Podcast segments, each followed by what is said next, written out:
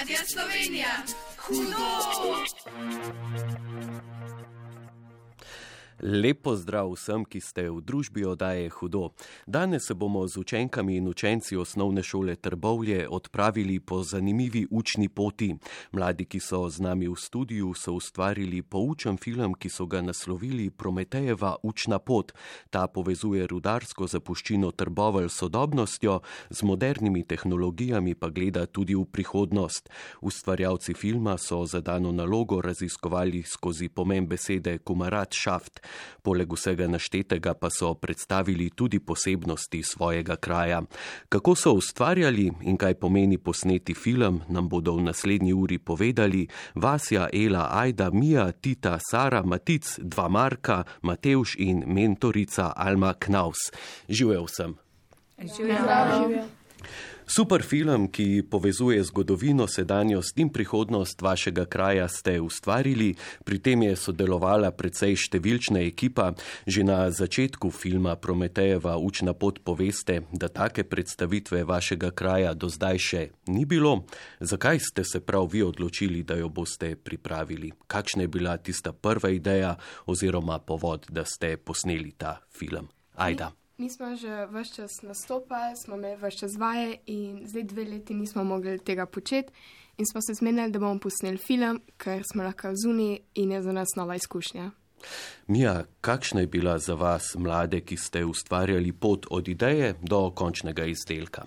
Ma, v bistvu v redu, čeprav nismo vedeli, o čem se film gre na začetku, ampak na koncu pač smo skupaj zvedeli, ker nam je naša mentorica Alma povedala. Uh, drugač pa, uh, ja, cela pot je bila uh, zelo super.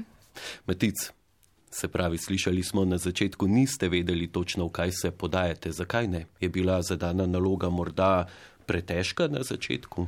Um, naslov je bil dokaj neumen, um, naloga povezana s besedo komarača, pa jo tudi nismo zastopili. Uh -huh. In kako ste se lotili potem, da je steklo tako, kot je treba? Ja, raziskovali smo določene točke na Trbovla, v Trbovlah, kjer so, nas, kjer so nam jo predstavili, povedali in na koncu smo v bistvu razumeli. Vasja, kaj torej pomeni posneti film? Tisti, ki tega še nismo počeli, si verjetno niti ne predstavljamo, koliko dela je v ozadju. Uh, ja, v bistvu posnet film je drugač kot v gledališču, zato ker v gledališču moraš biti skoncentriran, moraš vedeti, kaj boš povedal, pa kako boš to povedal. Film se pa pač snema in lahko milijonkrat ponoviš. Uh, je pa tudi mogoče kdaj pa kdaj mal teže. Um, ja, pr Se pravi, pomembno pa je to, da lahko ponoviš, če se slučajno kaj zatakne, kaj ne. ja, to je v bistvu najboljša stvar tukaj. Kdo bi še kaj povedal o tem, kako je posneti film? Malo, Um, malo vzame odkimar. lahko, vzame lahko um, zelo veliko časa, nam je vzelo nekaj več kot 90 ur. Um, smo pa predtem še, se je še razvijal um, tekst, um, pa um, to se mi zdi, da je pač kar, to, kar smo posneli. Um, smo imeli več poskusov, kar je res velika razlika, kot kar na odru. Um, tako da pa se na koncu malo zavleče. Tam. Se pravi, veliko nekih stvari sestavlja tisto celoto. No in film Prometejeva učna pot gledalcem predstavi pomen besede kumaratšaft, ker se bomo danes to besedo srečali še kar nekajkrat in ker je rdeča nit filma, nam kar že na začetku pogovora predstavite njen pomen. Kaj je to? Komaračaft je po lepo po slovensk timsko delo, um, predstavlja pa pomoč, um, medsebojno pomoč rudarjev, ko so si mogli pomagati v jam, če so hoteli preživeti. No, torej, zdaj vemo in glede na veliko število mladih in tudi tistih nekoliko starejših, ki ste film naredili, ste morali dobro sodelovati in upoštevati vsa načela kumara čafta. Kako bi zdaj torej s pogledom na pomen te besede opisali vsa sodelovanja pri ustvarjanju, pa morda Matic, kar če ti nadaljuješ? Se pravi, kumara čaft in pa vaše delo. Kako bi ti povezal uh, to vaše ustvarjanje? Ja, um, smo si pomagali um, en drugem, um, veliko smo, mogli smo se žrtvovati, um, veliko prostega časa je bilo porabljenega, um, tako da jaz mislim, da smo usvojili to um, besedo. Mark, kdo vse pa je poleg učencev osnovne šole Trbovlje še sodeloval pri pripravi filma? Um, pri filmu smo sodelovali učenci, ko smo prisotni, Alma, mentorica, Julija Jerman, ki je pomagala z vsem, veliko ne, pol uh, ljudje na Devesoftu so tudi pomagali vmes. Um, Katapult, od pol imamo še DDT, se pravi delavski dom, trbovlje, pa skoraj cela trbovlje so sodelovali v tem projektu. Se pravi, ste kar angažirali celotno lokalno skupnost in katero izmed teh sodelovanj ali pa obiskov se vam je najbolj vtisnilo v spomin? Mati, Vasja. Uh, Meni se je v bistvu najbolj vtislo v spomin del pri katapultu, ker tam smo v bistvu spoznali tudi to robotko Evo, ko nam je skozi celo to našo učno pot pi, uh, pisala. Um, ja, pa tam smo tudi veliko zanimivih stvari, ko so jih tam razvijali, pa sprobavali, uh, spoznali, tako da je bilo pri katapultu kar zelo zanimivo. Pa tebi, Sara. Um, tu najbolj mi je bilo pa pri Prometeju, ko smo si v bistvu um, ogledali ta kup um, železja, pa um, v bistvu videli, da um, je. Um, nastal iz rodarjev. Mhm. In mladi, ki ste delali, ste člani šolske gledališke skupine Špilčki. Kaj lahko poveste o delu v tej gledališki skupini? Torej, uh, ena od nas tukaj hodimo že devet let in kar rečem, da smo vsa ta leta vse čas vadili trikrat na teden in vsako leto imamo neko novo predstavo, imamo neke inovativne ideje. Eh, hkrati smo pa tudi zelo uspešni, na velik tekmovanj hodimo, dobimo zlata pa srebrna priznanja. Um, pa letos gremo tudi na improvizacije. Se pravi, ste polno zaposleni. Ja. Učiteljica Alma Knaus, vi špilčke vodite.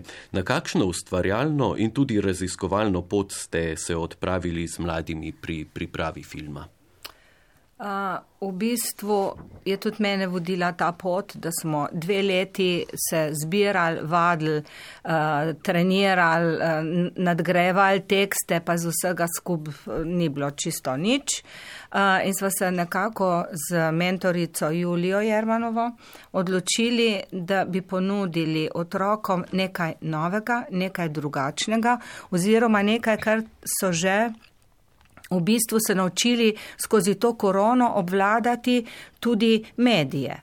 In zaradi tega sva uh, poiskali pomoč, se povezali s uh, Trbovlje Novomedijsko mesto, to je društvo, uh, ki je v bistvu uh, tudi nama priskočilo na pomoč z idejo, kako se lotiti nečesa, da bi otrokom ostalo eh, v spominu oziroma da bi po devetih letih nekaj imeli za vse večne čase. Gledališka igra pač tega ne ponuja sama, eh, uči druge in drugačne eh, veščine, to pa v bistvu film je pa večen.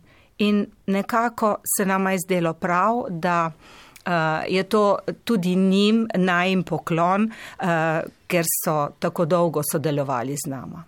No, pa ne le v okviru gledališke skupine Špilčki, v filmu lahko izvemo tudi, da je ustvarjanje potekalo še v okviru krožka Turizmu je potrebna lastna glava. Gre torej za preplet več znanj in zanimanj, ki jih imajo mladi, kaj ne? Uh, to je res. Uh, mi smo se poskušali približati uh, ideji, kako mladim in skozi njihove oči pravzaprav predstaviti našo dolino oziroma prostor, kjer so živeli njihovi dedje in kjer se Trbovlje resnično razvija v novo medijsko mesto z visokim tehnološkim razvojem. Vsa znanja in napotki, ki ste jih dobili, so vas pripeljali do končnega izdelka filma Prometejeva učna pot. Mija, na kratko opiši vsebino filma. Kako ste v njem predstavili trbovlje in preteklost povezali sedanjostjo in tudi prihodnostjo? Ja, v bistvu smo opisali uh, vsa rudarska stanovanja, kako je potekalo življenje v njih, da so bila zelo mehna, pa da so bila pač kuhinja in spalnica skupaj. Uh, potem smo tudi opisali knape, ki so kmetje, uh, njihovo življenje je bilo zelo težko. Um, v bistvu, ja, cel film govori pač v trbovljah, kako je potekalo življenje. Um, ja. Film ste torej naslovili Prometejeva učna pot, čeprav Prometej, ki ga vsi poznamo iz grške mitologije, ni prav nič povezan s trbovljami, pa vi pravzaprav imate svojega. Kdo je, predstavite nam ga, Mark, boš ti? Naš Prometej smo v bistvu skupaj mi, pa v trbovljih ne tudi skozi gleda, pa vsi v srcih smo Prometej zaradi tega, ker si zaupamo v sebe, pa zaupamo v druge. Mateuš, Mitološki Prometej je ljudem prinesel ogromno stvari, med njimi so naprimer ogen, abeceda, številke in umetnost. Kaj pa so rudarstvo in rudari, ki jih simbolizira trboveljski Prometej, prinesli v vašo dolino? Ja, prinesli so veselje, tudi eh, to besedo komaračav, ki smo jo že prej omenili, in so nam tudi pokazali, kako sodelujemo, pa si pomagamo med sabo. No, povej še, ali Prometejeva učna pot v Trbovljah zares obstaja, ali ste tako lepo imenovali vaš film oziroma svojo učno pot, ki ste jo opravili med ustvarjanjem. Uh, bo Mark prevzel. Mark, izvoli. Ja, v bistvu to smo to nekako bomo naredili tudi zemljevice, prav nekako bo bila, ne, še ne obstaja, ampak bo, uh, drugače pa ja, bolj kot ne smo pa idejo dobili iz filma. Matic, vse vsebine vašega filma danes seveda ne bomo razkrili, povej pa, kje se ga da videti. Tudi za to ste uporabili možnost, ki jo ponuja razvoj. Um, dostopen je na YouTubu, um, preprosto napišete Prometeva učna pot, lahko si pogledate 17-minuten film, um, imamo pa na različnih um, spletnih straneh tudi naše intervjuje. Pa ste ga kje že predvajali izven YouTube? Je... Ne, tukaj še tu ni napredval. Mm, povej pa še, kje se da videti tiste vaše intervjuje? Um, časoris pa RTV Slovenija. Se pravi, ste zdaj že kar poznani v širšem okolju, ne? Ja. No in še preden poveste več o nastajanju filma Prometejeva učna pot, prisluhnimo glasbi. Prvi program Radia Slovenija. Hudo! Danes se družimo z učenkami in učenci osnovne šole Trbovlje, ki so ustvarili film Prometejeva učna pot. Trbovlje so deveto največje mesto v Sloveniji in največje mesto v Zasavju. Kako ste se dogovorili, katere točke boste predstavili v vašem filmu? Zanimivih in vrednih predstavitve je verjetno ogromno, Vasja. Uh. Ja, v bistvu smo glede na tudi temo filma, ker v, v trbovljah so ta, ta glavna atrakcija, tako izrazu, rudari, zato smo taka, eh, taka mesta raje obiskali. Pa eh, recimo ena stvar, ko smo jo obiskali, je tudi um, rec, eh, park, eh, novi park, ki smo ga dobili, mislim, da predlansko leto, nekaj tajnega. Uh, tako da, ker tam je tudi um, monolit in to je v bistvu, kot smo v filmu že povedali, kot tak TV, na katerih so uh, obra obrazi še živečih trbovelčanov in to je v bistvu ponazarjali tisto sodobno tehnologijo. Uh, Ja, in smo se na tak način odločili, kam bomo zašli. Se pravi, kdaj pa kdaj vas je pa tudi film odpeljal nekam drugam, ja. kot ste mislili najprej. Tako, ja. Uh, ajda, ko ste viharili svoje misli o tem, kako boste pripravili film, kakšne ideje so takrat privrele na dan, verjetno jih je bilo nešteto. Ja, torej, na začetku res vsaj mi, igravci, nismo imeli pojma, v čem bo sploh film, so se bolj mentorice same imele. Um, pa pa, ko je počas, ko smo začeli zbirati točke, pa um, že mal zbirali ideje, bolj konkretne, smo se pa bolj preključili, um, že pred tekstu, potem naratorstvo smo uh, mal pomagali, tako smo se potem bolj proti koncu uh, povezan. Učiteljica Alma Knaus, kako ste usmerjali to mladostniško energijo? Začeli ste menda z neko drugo idejo, kot se je na koncu izkazala ne, in postala film. Uh, ja, ja, v bistvu mi smo uh, ho hoteli razviti uh, uh, neko kulturno dediščino, ki, bi, ki pač v Trbovlah jasno obstaja s pričo zgodovine, naše bogate zgodovine in rudarstva. Ampak uh, ob raznih srečanjih, ki smo jih imeli z kar nekaj strokovnimi uh, delavci, od muzeja, delavskega doma Trbovle, potem uh, BIC laboratorija, potem Društva Trbovle, Novo medijsko mesto, smo nekako ta. To našo željo, ki smo jo prinesli, uh, opredelili, da je dobila smisel. Eh, s tem gre velika zasluga eh, gospodu Zoranu Pozniču, eh, ki nas je nekako usmerjal, da se osredotočimo na točke, ki, bodo, ki bodo izhodišče za naslednjo točko. In da ne smemo preveč razširiti tega obzorja, ker resnično nismo imeli pojma, kaj film je. Sara, Kako pa bi ti opisala sodelovanje z mentorico? Recimo, potem, ko je bil film narejen, si zapisala, da te je bilo pred začetkom snemanja precej strah, na kar pa ti je učiteljica Alma pri tem pomagala in ulila pogum. Uh, ja, ker um, nisem v gledališču skoraj še nikoli nastopala, um, je, je bil tudi film za me nekaj novega. Um, Velikrat me je bilo pred snemanjem zelo strah, pa mi je pa v bistvu Alma povedala, da lahko ponovimo, kakorkoli želimo. Pa um, smo pa v bistvu si pomagali in drugim se dopolnjevali, um, pa je pa lažje šlo skozi. Tita, kako je bilo tebi? Um, ja, v bistvu. Um, Uh, ja, pomagali smo si med sabo, res nas je bilo verjetno vse malce strah, ker je vse en film drugačen kot gledališče. Uh, Um, ampak je bilo res lažje, ko smo lahko večkrat posneli, pa um, ja, ponovili. Mija, za vami je precej dolgo obdobje, v katerem je film nastajal. Sestanki ste začeli že lani aprila. Kako ste takrat začrtali delo, ki ga želite opraviti in koliko časa ste imeli na voljo, da film naredite do konca? Uh, v bistvu čas ni bil glih določen. Uh, z Almom pa smo se pač pogovarjali o idejah, kako je že Aida prepovedala, uh, kaj bi lahko naredili. Tudi mi smo devali različne ideje, tudi v igrci, pa bolj na koncu. Um, drugače pa smo veliko sodelovali, pa se smejali. Pa. Ela, in ko ste izbrali lokacije snemanja in si začrtali rdečo nit, je sledilo pisanje scenarija, kako ste se lotili te naloge?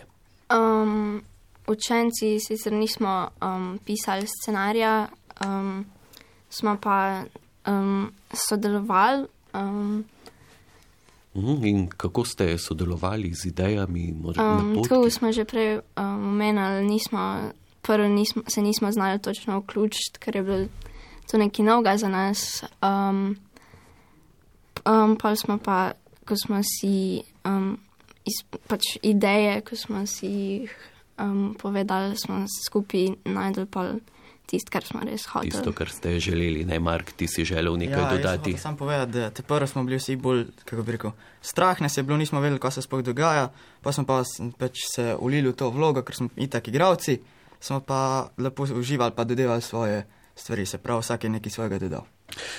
Mateuš pri pisanju scenarija torej ste sodelovali na nekoliko drugačen način, ste si pa vseeno morali razdeliti najrazličnejše naloge, ki ste jih imeli pri pripravljanju filma Prometejeva učna pot. Kako ste določili, kdo bo naredil kaj? Ja, pač eden je pisal scenarij in pol smo se tudi dodajali, smo oddevali svoje ideje, smo tudi not dodali, pol smo se pa pač zmenili, kako je delo. Matic, kako so potekali ti pogovori? Ja, mene je Alma kar enkrat stavila na šolskem hodniku, pa rekla, če bi igral v filmi. Um, bil je mal šok, tega, ker še nikoli nisem igral v nobeni gledališki skupini, da, ampak sem rekel, da bo tu ena nova izkušnja in sem pristal. Sara, predvsem pa me zanima tudi to, kako ste se dogovorili, kdo bo sestavljal troj, trojico, ki se v filmu največ pojavlja. Lahko bi rekli, kako ste se dogovorili, kdo bodo glavni igravci, se pravi, to ste bili ti Vasja uh, in pa Matic. Um, tu je kar Alma določila. Um, mi smo si, jaz sem sam vedela, da sem v bistvu, da z Maticami igram v filmu. Uh mhm. -huh. In kako ste to določili, gospa Alma? Uh, mi imamo eno načelo v gledališki skupini, da glavnih igralcev ne določamo naprej, da jih ne izpostavljamo. In uh, jaz sem delila vloge tako, glede na izkušnje, ki jih imam. Uh, za mene je bilo najlažje v bistvu igralcem, ki sem jih določila, za te, ki se pač po, po največ pojavljajo v filmu. Uh, za mene je to v bistvu lažje delo od tega, kar so odnesli potem vsi gledališčniki, ki so že vrsto let pri nas. Zaradi tega, ker oni točno, toč, točno vedo, ker so toliko časa uh, pod mojim vodstvom, uh, kje vstopajo, kje izstopajo, kje so njihove, njihovi predlogi, uh, na kaj uh, se jaz lahko pri njih uh, zanesem. In to vedo tudi oni in so dejansko uh, odnesli veliko težo v tem filmu. A tudi vloge in naloge vseh ostalih, ki ste ustvarjali film, niso bile nič manj pomembne. Zelo zanimiva in poučna so tudi umestna besedila, ki o vašem kraju povedo zelo veliko. Kdo jih je pisal, ustvarjal? A, se pravi, Ajda. Boš ti morda začela s tem odgovorom, kako so nastajala ta umestna besedila?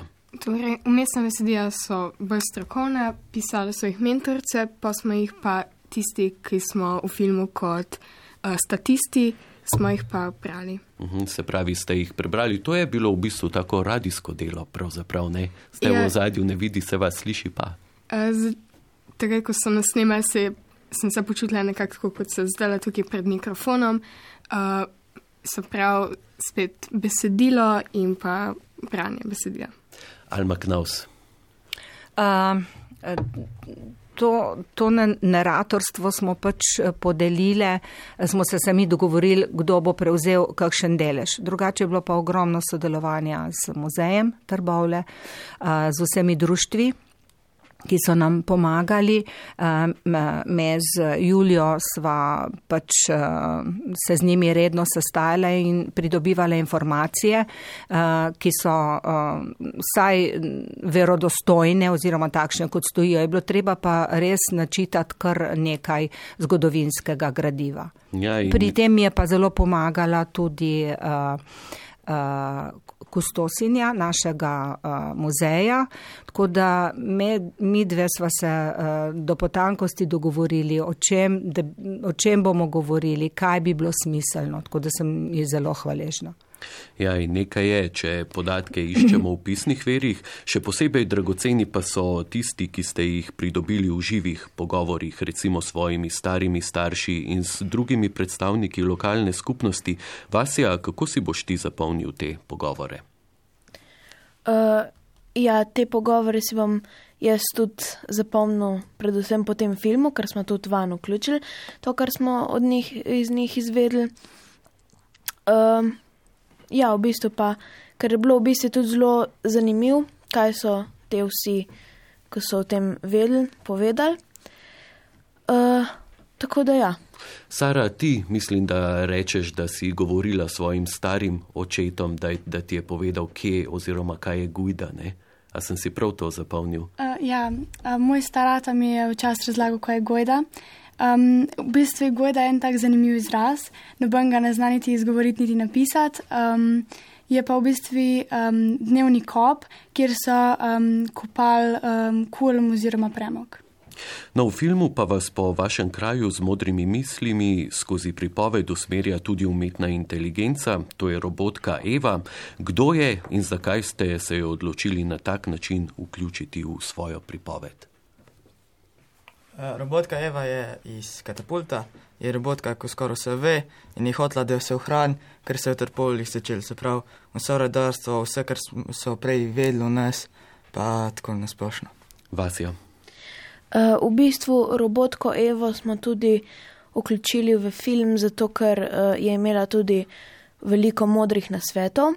Eden izmed teh je, da se tehnologije, ki jo vsak dan bolj in bolj razvijamo, ne sme zlorabiti v slabo. Uh, zato smo tudi vključili njo kot enega izmed igralcev v filmu. Matic, kako težko pa je bilo za vas te stvari, ki ste jih zapisali v scenarij in vse pridobljene podatke spremeniti v igrane prizore in besedila, ki jih dopolnjujejo? Ja, smo mogli kar velikrat ponoviti um, kadre, um, se naučiti besedile, um, ampak tu pa ni bila na koncu težava. Ja, pri snemanju ste uporabili tudi sodobne pripomočke, del kadrov ste posneli z brezpilotnim letalnikom oziroma dronom, uporabili ste ročno kamero in akcijsko kamero. Kako je potekal ta snemalni del? Se je recimo pred kamero težko sprostiti, ko ste igrali ali so zadeve kar dobro stekle? Sara. Um, ja, pred kamero je bilo na začetku mal čuden, ker um, nisi navaden, da te en tukaj blizu snema pa gleda. Um, ampak pol v bistvu smo se besedila kar na telefoni sporočili, pa je šlo um, vse boljš. Se pravi, tu so bile neprecenljive, verjetno tudi izkušnje, ki jih imate od špilčkov, kaj ne? Ja. Uh, napisati pa ste morali tudi snemalno knjigo Tita, kaj to pomeni? Aha. Se pravi, ti nisi sodelovala pri tem, kdo bi lahko povedal kaj več o tem, kaj je snemalna knjiga? Um, snemalna knjiga je eno hudo, dolgotrajno in naporno delo. Uh, meni je pri tem pomagala uh, Metka Dolanc, ki je tudi montirala film. Uh, v bistvu nas je ona povabila in nek, neke ure, mislim, da smo dvakrat po dve uri sedeli, vsi akteri, ki smo pač se odločili, da bomo to posneli in nam je predavala o filmu, o kameri, o postavitvah. Skratka, o marsičem Neki smo se pa tudi sprotno učili. Čeprav naš kamerman Ervin Lakar, uh, on se je uh, ljubiteljsko s uh, snemanjem ukvarjal že vrsto let in zaradi tega on tudi premore vse te kamere, te zvrsti kamer, ampak tudi on je bil navdušen nad metkinim predavanjem, tako da v bistvu je, to, je bil to naš začetek tega. No in zdaj ste nekateri izmed vas prepoznavni obrazi, vas je Sara in Matic, vas je v Trbovljah že kdo ustavil in pohvalil vaš film? Um, tako, da bi se sprehajali po mestu in da bi prav nas kdo prepoznal, ali pa vsaj mene. Uh, ne ravno, ampak v šoli pa recimo veliko ljudi, tudi včasih kak učenec, uh, ko me je videl, me je osavo, pa pohvalil.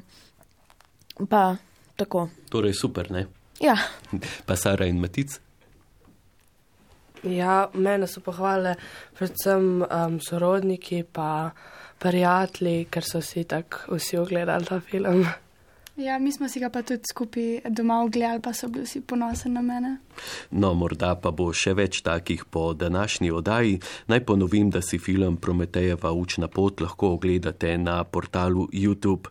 Zdaj je čas za glasbo, po njej pa boste povedali več o vsebini filma, govorili bomo o rudarskem delu. Prvi program Radia Slovenija. Hudo! Rdeča nit današnje oddaje je film Prometejeva učna pot, ki so ga posneli učenke in učenci osnovne šole Trbovlje. Pred glasbo ste govorili o tem, kako je potekalo snemanje filma. Mateuš, ali lahko poveš kaj o tem, kako je potekala končna montaža? Ste bili mladi tudi del tega ali so, ste to prepustili drugim? Uh, jaz nisem bil del tega, zato bi prosil Vasjo, če bi lahko malo bolj razložil. Um, v bistvu ta naša končna montaža smo jo bolj prepustili drugim. Uh, dali smo sam na začetku mogoče par idej, kako bi se lahko naredila, in um, smo potem jo naredili in smo dobili tak film. Pa, ko ste snemali, ste si posnete kadre ogledali že na terenu ali ste počakali, da ste imeli najprej vse posneto in šele na to popravljali stvari, ki jih je morda bilo treba posneti še enkrat? Um, kadre smo v bistvu pri, uh, gledali že na, tele, na terenu, sprav, ko smo enega posneli, smo si na hitro ogledali, kaj ni bilo v redu. Uh, Tako da smo v bistvu tudi imeli občutek, kako čim, boljš, čim boljši kader posnet. Sara, kateri del je bil boljši? Snemanje, montaža? Um, snemanje smo se bolj zabavali. No, in opisali ste za res ogromen nabor del, ki ste jih opravili, da ste uspešno posneli film Prometejeva učna pot. Ali ste kdaj sešteli, koliko ur dela ste vse skupaj opravili? Uh, Ja, v bistvu šlo je ogromno časa v ta film, zato ker smo ga že začeli uh, se z njim ukvarjati že aprila lansko šolsko leto in ga letos oktobra končali. Vse skupaj je malo čez 90 ur. Uh, gre um, največ časa je vz, seveda vzelo snemanje, potem montaža, uh, neki pa tudi teksti, ki jih je bilo treba urediti, pa raziskovanje, kaj bomo vključili v tekst in, in kaj bomo v tem filmu v bistvu sploh povedali. Matejš, si si ti mislil, da je za ustvarjanje dobrih 17 minut vsebine potrebnega toliko dela, da nastane nek izdelek, ki je zelo gledljiv? Uh, vedel sem, da je veliko dela, ampak tega je pa tukaj pa ne. Um, najtežji se mi zdi, da je bila montaža, snemanje pa vse nekako največ časa. No, v filmu govorite v vašem domačem narečju, kar predstavitev kraja naredi zares pristno. Predstavite pa tudi najrazličnejše predmete iz življenja rudarskih družin. Ste ob tem spoznali veliko novih besed ali so pravzaprav vse, ki ste jih predstavili, že v, še vedno v uporabi? Ela. Um, vaja, pač, ko smo vadili um, uh, mi naratori, uh, kaj bomo povedali za življenje v kolonijah, mi je bilo zelo zabavno, zato ker je prišel do številnih napak in smo se zmeraj tukaj smejali, uh, da se tega ne bom pozabljali. No, pa jih predstavite nekaj. Izbral sem tiste, za katere sam nisem poznal pomena. Mark, kaj je mjentrga? Mjentrga. Mjentrga, ja. Mjentrga. Zdaj ste pa dobili, ne? Zdaj ste pa dobili, glih tisto, ko ne vem. Sara. Um, miza za mesenje kruha. Uh -huh. Pa drugi Mark, kaj je kubalecna? Zdaj ste me spet, zdaj ste tudi mene dobili, v resnici povedan. Kaj je to? Aha, iščete po scenariju? Jaz vem, kaj je naprimer krm, pa kolem kišta, pa kaj še? Škrince. Ja, škrince, pa šajtrga. In to, to, to so taki izrazi, ki jih imamo ja. skoraj po vsej Sloveniji. Ne? Morda še ena, kaj je kufr za cajk? Kufr za cajk je pač orodje za, mislim, koček za orodje. Tako je. Ja. Uh, In vse te stvari so rudarske družine imele v svojih hišah oziroma pravzaprav majhnih stanovanjih, v katerih so živele. Te hiše so sestavljale kolonije. Uh, Mark, kaj so kolonije in kako so izgledale? Um, kolonije so v bistvu sam bloki, v, v katerih so zelo natrpičena stanovanja, kot so bila takrat za, te, za k, rudarje, da so noter živeli z družinam. V tistih stanovanjih mehkih so bile ponadi dve ali tri sobe, noter je živelo pa so živele pa zelo velike družine. Kolonije so nekakšna posebnost Zasavja, um, kjer drugod jih ne boste najdel. Noto so pa živele um, družine. Um, če je pa knap umrl, so se pa mogle te družine po nekih po določenim času izseliti, zaradi tega, ker je bilo to namenjen knapam. Ja, in kako so živele rudarske družine v teh kolonijah? Se pravi, če je rudar umrl, so se morale družine izseliti, če ni bil zmožen za delo, so se morale družine prav tako izseliti. Ajda. Torej, kolonije so bile zelo blizu rudnikov zgrajene, zato je pač bilo logično, da so tam noč živeli samo rudari. um, in njihove družine, ki so bile pa zelo številčne. Recimo, nekaj, kar mene najbolj šokira v teh stanovanjih, je bilo to, da je bila samo ena zakonska postelja, pa ena zibelka, otroke pa veliko več, kot za eno pojslo in so spali v predaljih, uh, kar je bilo meni zelo zanimivo. Ja, Mija, eno izmed teh stanovanj ste tudi obiskali in ga v filmu pokažete. Opiši to uh, stanovanje še našim poslušalkam in poslušalcem. Ja, vsa stanovanja so bila bolj kot ne enake velikosti, bila so zelo majhna, uh, kuhinje in otroške sobe oziroma spalnice so bile skupaj. Uh, oprema v stanovanju pa je bila zmeri izdelana pač preprosto, bila je lesena, pa uh, izdelali so jo pri obrtniku. Um, ja, v bistvu cela stanovanja so bila mehna. Tita, kako pa so te nekdanje rudarske hiše videti danes? Verjetno so tudi one stopile v korak s časom. Um, ja, v bistvu um, še vedno se vidi, da je pač to bolj star del mesta um, in da, um, da je pač se je še vedno ohranila ta naša kulturna dediščina, pa stanovanja. Um, um, ja. Ja, najprej Vasija, potem pa Matic. Uh, v bistvu te hiše uh, so res značilne za naše zasavje.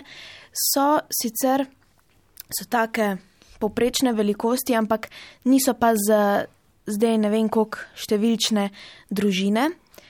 Uh, so ne vem za štiri, tri članske. Um, so nekatere tudi obnovljene uh, in se v njih da živeti, recimo jaz živim v eni izmed njih, nekatere so pa še kar um, tudi na zunaj um, malo stare. Um, Te pa so namenjene muzeju v bistvu. Se pravi, slišali smo, da so bila to včasih zelo majhna stanovanja, danes je vaše stanovanje v tej hiši verjetno neprimerljivo večje, kot je bilo tisto takrat. Uh, ja. In pa še Timotici želel nekaj ja, dodati. Ne vem, naprimer, kolonija Niva je zelo dotrajana iz zunanje izgled, ampak se ne sme spreminjati zaradi ohranjanja kulturne dediščine. Uh, kakšno pa je bilo rudarsko delo? To je bilo zelo težko in nevarno življenje. Kaj vse ste izvedeli o tem, Ela? Um, v bistvu um, smo veliko teh stvari, ki smo jih o rudarjih, um, ponovi, smo jih v bistvu ponovili, zato ker je to zmeraj bil del um, tudi naše, uh, našega pouka. Ker recimo uh, v četrtem razredu vem, da smo si šli ogledati kolonije že in sem si sama tudi veliko zapomnila. Uh, no, tukaj smo pa uh, govorili še o delu v rudnikih, um, ki je bilo pa, kako ste že rekli, zelo nevarno. Um, in tukaj je bil pomemben komeračaft, ker so se uh, rudari mogli zanašati na drugega, mogli so imeti zaupanje, da so preživeli, če je bilo kaj narobe. Ja, in v filmu pokažete tudi Antonija Rov in obiščete virtualni muzej četrti Dritel. To sta dve znamenitosti Trbovel. Kako poučen je bil obisk in kaj vse ste videli tam? Pravzaprav je nekako virtualno tam predstavljen pravi rudniški rov. Opišite nam ga, Mark. Pri četrtem Dritri je dejansko, kot da bi šel v rov. Vse ti lepo vodiči razkažejo, razložijo pol, uh, na vsake stvari, ko jo pač po trbovsko izgovorimo, imaš še pol prevod, lepo po slovensko, da razumeš, kaj pomeni. Uh, pol imamo tudi, pol, če greš naprej, imaš še VR, pa ti še bolj, eh, kako izgleda z vozičkom se pelat, pa različne stvari, tako da ja, kar zanimivo je. Se splača pogledati. Pa drugi Mark, in kako ti kot mlad trbovalčan gledaš na zapuščino, ki so jo ustvarili rudari? Um, zdi se mi zelo pomembno, da imamo tako bogato zgodovino, pa da jo ohranimo s kopanjem rjavega premoga. Um, uh, pa tudi zdi se mi prav, da občina ne uničuje teh starih stanovanj, rudnikov, pa da, pa da probajo ljudje naučiti, kakšna je naša zgodovina, da se ne pozablja. Matejš, kako gledaš na rudarsko zapuščino Trbovel? Ja, zelo je pomembna za Trbovelje. Mm, pa ti, Tita. Um, ja, um, res je fajn, da se je veliko hranil.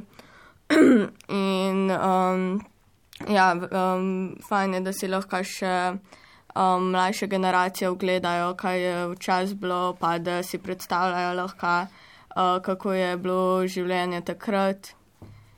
In pa še Vasja. Uh, Meni se zdi ta zapuščina zelo pomembna, ker tudi um, s, te, s to zapuščino smo mi dobili v mesto, v, ka, uh, ki ga imamo zdaj in v katerem mi živimo. Um, mislim, da je dobro, da se to ohrani, da res imamo trbovle, ki, oziroma mesto, ki ponazarja njegovo zgodovino in pa ki kar hitro hiti k napredku. In kot ste pokazali v filmu Prometejeva učna pot, to zgodovino znate zelo, zelo lepo umestiti v sedanjost s pogledom v prihodnost, več o tem pa po glasbi. Prvi program Radia Slovenija. Hudo! Poslušate oddajo Hudo, danes so z nami mladi iz osnovne šole Trbovlje, ki so ustvarili poučen film Prometejeva učna pot, ki povezuje rudarsko zapuščino kraja s sodobnostjo, gleda pa tudi v prihodnost. V filmu poveste, da obiskujete osnovno šolo Trbovlje, ta novo šolo, kot ti pravite, kako bi nam jo predstavili. Vsi učitelji so res zelo prijazni, uh, nas veliko naučijo. Um, šola pa je v bistvu zelo pač kot cela prijazna, z, sodelujemo veliko, imamo veliko teh um, krožkov, ki jih veliko obiskujemo. Uh, v bistvu, ja. Šola je torej super, Sara, kakšne pa so za življenje današnje trbovlje? Um, v bistvu se povezujemo od um, starejših do mlajših, um, imamo um, skupne prireditve, pa um, Lahko poveste kaj o tem, kako ste jih videli, preden ste ustvarili film Prometejeva učna pot in kako jih vidite zdaj, ko je za vami precej poglobljeno raziskovanje Vasja? Uh, v bistvu jaz sem jih na začetku videl kot pač neko mesto. Um, sem, seveda, sem že pol kaj slišal o tem, da so tukaj včasih kopali uh, rjav um, premok in da je zgodovina mesta, v bistvu, v bistvu je bistvo zgodovine trbovelj rudari. Ampak uh, zdaj nam je pa v bistvu še mal bolj jasen po tem filmu, um, bolj podrobna zgodovina in kako so res takrat živeli in kako takrat ni bilo vse, kot je zdaj preprosto. Ajda, pa ti, kako je bilo prej in po filmu? Uh, definitivno po tem filmu se mi zdijo trbovelje veliko bolj zanimive. Uh, Seveda sem že prej nekaj vedela, tudi v šoli nas vse čas učijo o naši zgodovini, kle sem pa zvedla tudi več o tehnologiji, ki jo uporabljamo s tem monolitom, katapult in jaz definitivno sem se veliko več naučila. Ela. Jaz recimo sploh nisem vedela, da imamo tam Prometeja. Se pravi, vsak se je naučil veliko novega. Uh, učiteljica Alma Knaus, kako mladim znotraj pouka skušate približati in predstaviti kraj, v katerem živijo? Ko smo se tega projekta z, na pobudo učiteljice Julija Jerman lotili, jaz sploh nisem vedela, do kame bo to pripeljalo. In sem navdušena nad tem spoznanjem, da nas je dejansko Prometej pripeljal po poti naše dediščine do tehnološkega razvoja. Jaz, meni je bilo kar mal narodno, ko sem sproti spoznavala, Eh, kako trbovlje danes živi, eh, da tega nisem občutila, niti pravzaprav vedela. Tako kot zdaj vidim, tako kot zdaj občutim, pa tako kot zdaj gledam na trbovle. Pa tu živim 40 let. No, in sodobnosti vašega kraja ne gradi več rudarstvo, ampak jo pišejo visokotehnološka podjetja, ki se med drugim nahajajo tudi v katapultu. Danes ste ga že omenili kaj je katapult in kaj vse ste tam videli in spoznali ob obisku? Katapult je podjetje, ki pomaga manjšim podjetjem, da uspejo. Se pravi, če imaš ti eno zelo dobro idejo, pa uh, se ti zdi, da je res lehti rata z nje, ti bo začel pa pomagati in pol na koncu ti bo eh, lahko zaradi njih tudi ratal in pol tudi so nam zaradi tega tudi nam pomagali, ker se vidi, da je dobra ideja in so hoteli, da se trbole čim bolj razvijajo. Se pravi, gre za neko valilnico in inkubator idej. Ja. Pa še drugi Mark in pa potem Ela. Iz te ideje na katapultu se je tudi razvila pol ideja za igrico. Takrat sem bil jaz prvič um, vključen v ta projekt. So me enkrat sred puka samo vzeli iz razreda pa rekli, boš pomagal igrico narediti. Pa smo šli pole naslednji ponedeljek v katapult, pa smo razložili. Zdaj pa že dva meseca delamo na igrici, ampak no, kaj preveč povedali, da, se, da ne Da bo presenečen. Ravno sem te hotel poprašati o tem, da poveš še kaj več, no pa pustimo to ob strani, pa se morda v kakšni drugi oddaji hudo pogovorimo o tem, kaj ja. ne.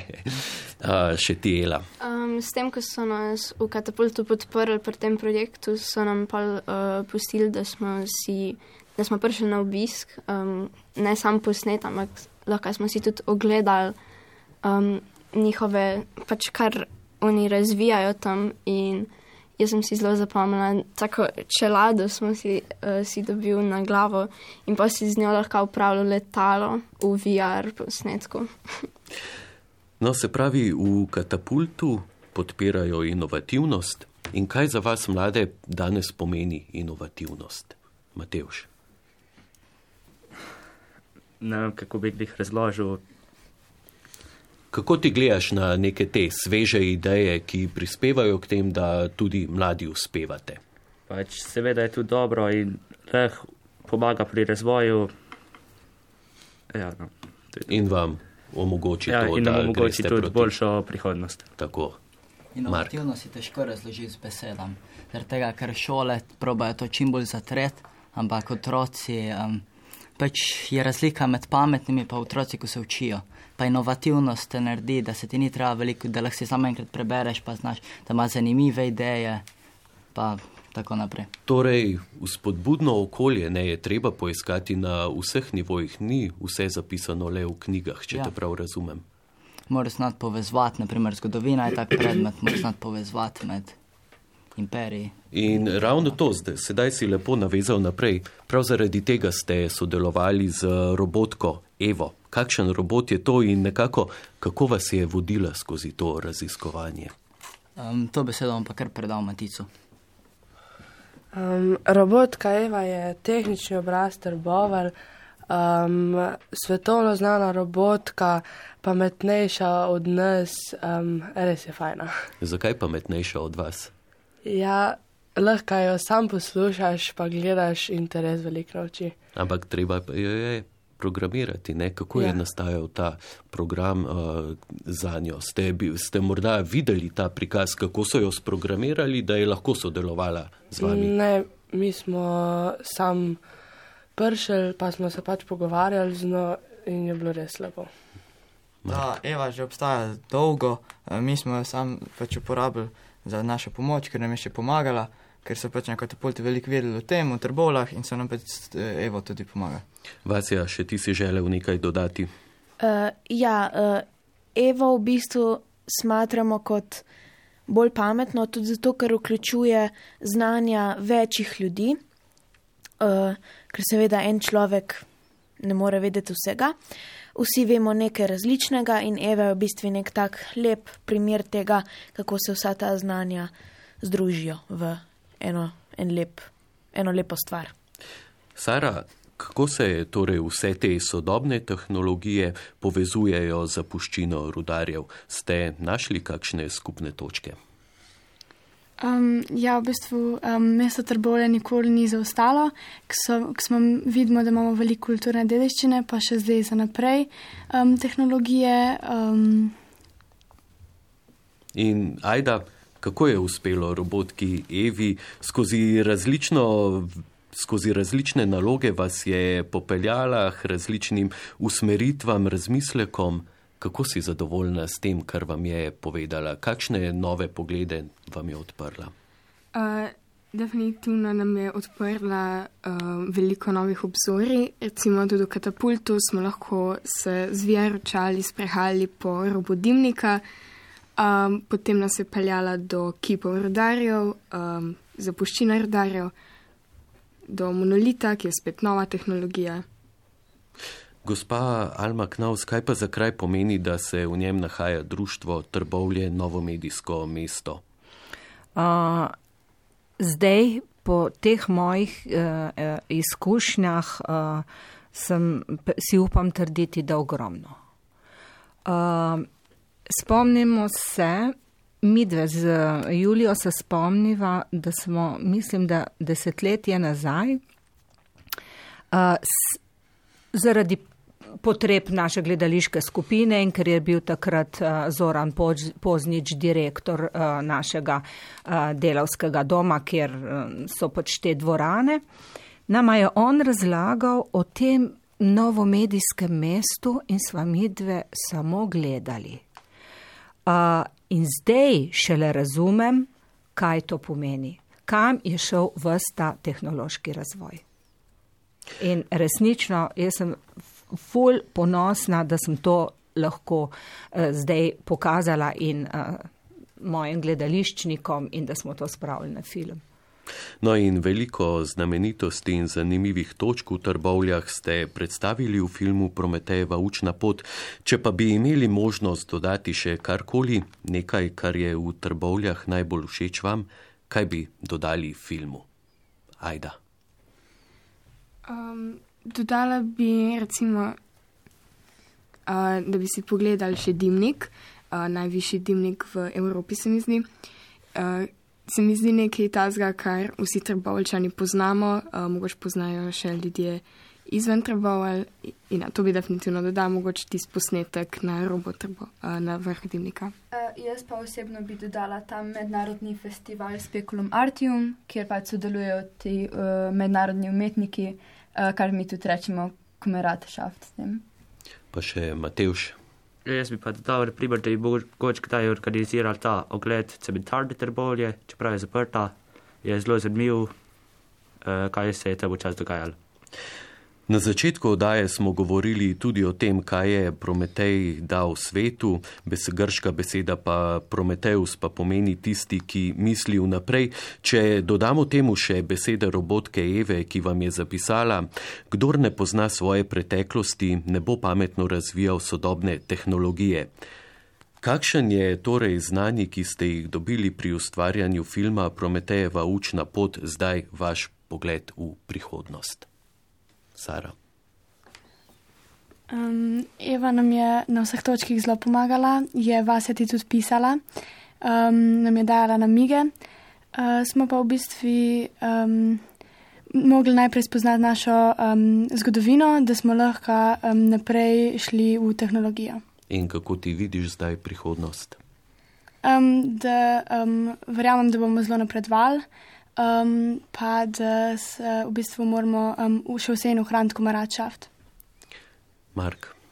Jaz osebno bi povedal, da je fajn, da bomo napredovali, ampak tako je že Sara malo prej rekla, vse se mora vse ohraniti, ker se je do zdaj ne dil, se pravi, zapomniti moramo, da trbole so nastale zaradi uh, vseh rodarjev, ki so tukaj prišli in zaradi rodarjev smo spet mi zdaj lahko naredili ta film. In kako boste zdaj razumeli kumaračaft in kako razumete človeške vrednote, ki so povezane z njim? Vasja. Um, zdaj uh, besedo kumaračaft razumemo kot um, timsko delo, kot uh, neko upanje v prihodnost in na podlagi uh, pomena te besede mislim, da se lahko tudi mi kot mesto zelo močno razvijemo, ker imamo ogromne možnosti. Ja, Končajmo pa s povabilom k vam v Trbovlje. Kako bi vse, ki nas poslušajo, povabili k vam in kako bodo obiskovalci razumeli kumaračaft, če obiščejo vaš kraj? Kdo bo povedal? Mija. Ja, naj obiščejo, da pač spoznajo to promotejevo učno pot, da se nekaj naučijo v naši uh, dediščini uh, in ja, da se bojo zabavali, kako smo se mi pri delanju tega filma. No in naj bo to lepa končna misel. Drage in dragi pred radijskimi sprejemniki, idej za raziskovanje vam ob vseh stvarih, ki ste jih slišali med današnjim pogovorom, ne bi smelo zmanjkati. Morda pa smo koga med vami spodbudili tudi k temu, da bo nekoliko raziskal zgodovino svojega kraja. Ustvarjalci filma Prometejeva učna pot, hvala vam, da ste svojo pripovedjo popestrili začetek tega sobotnega dopoldneva. Vse dobro vam želim in lepo se imejte.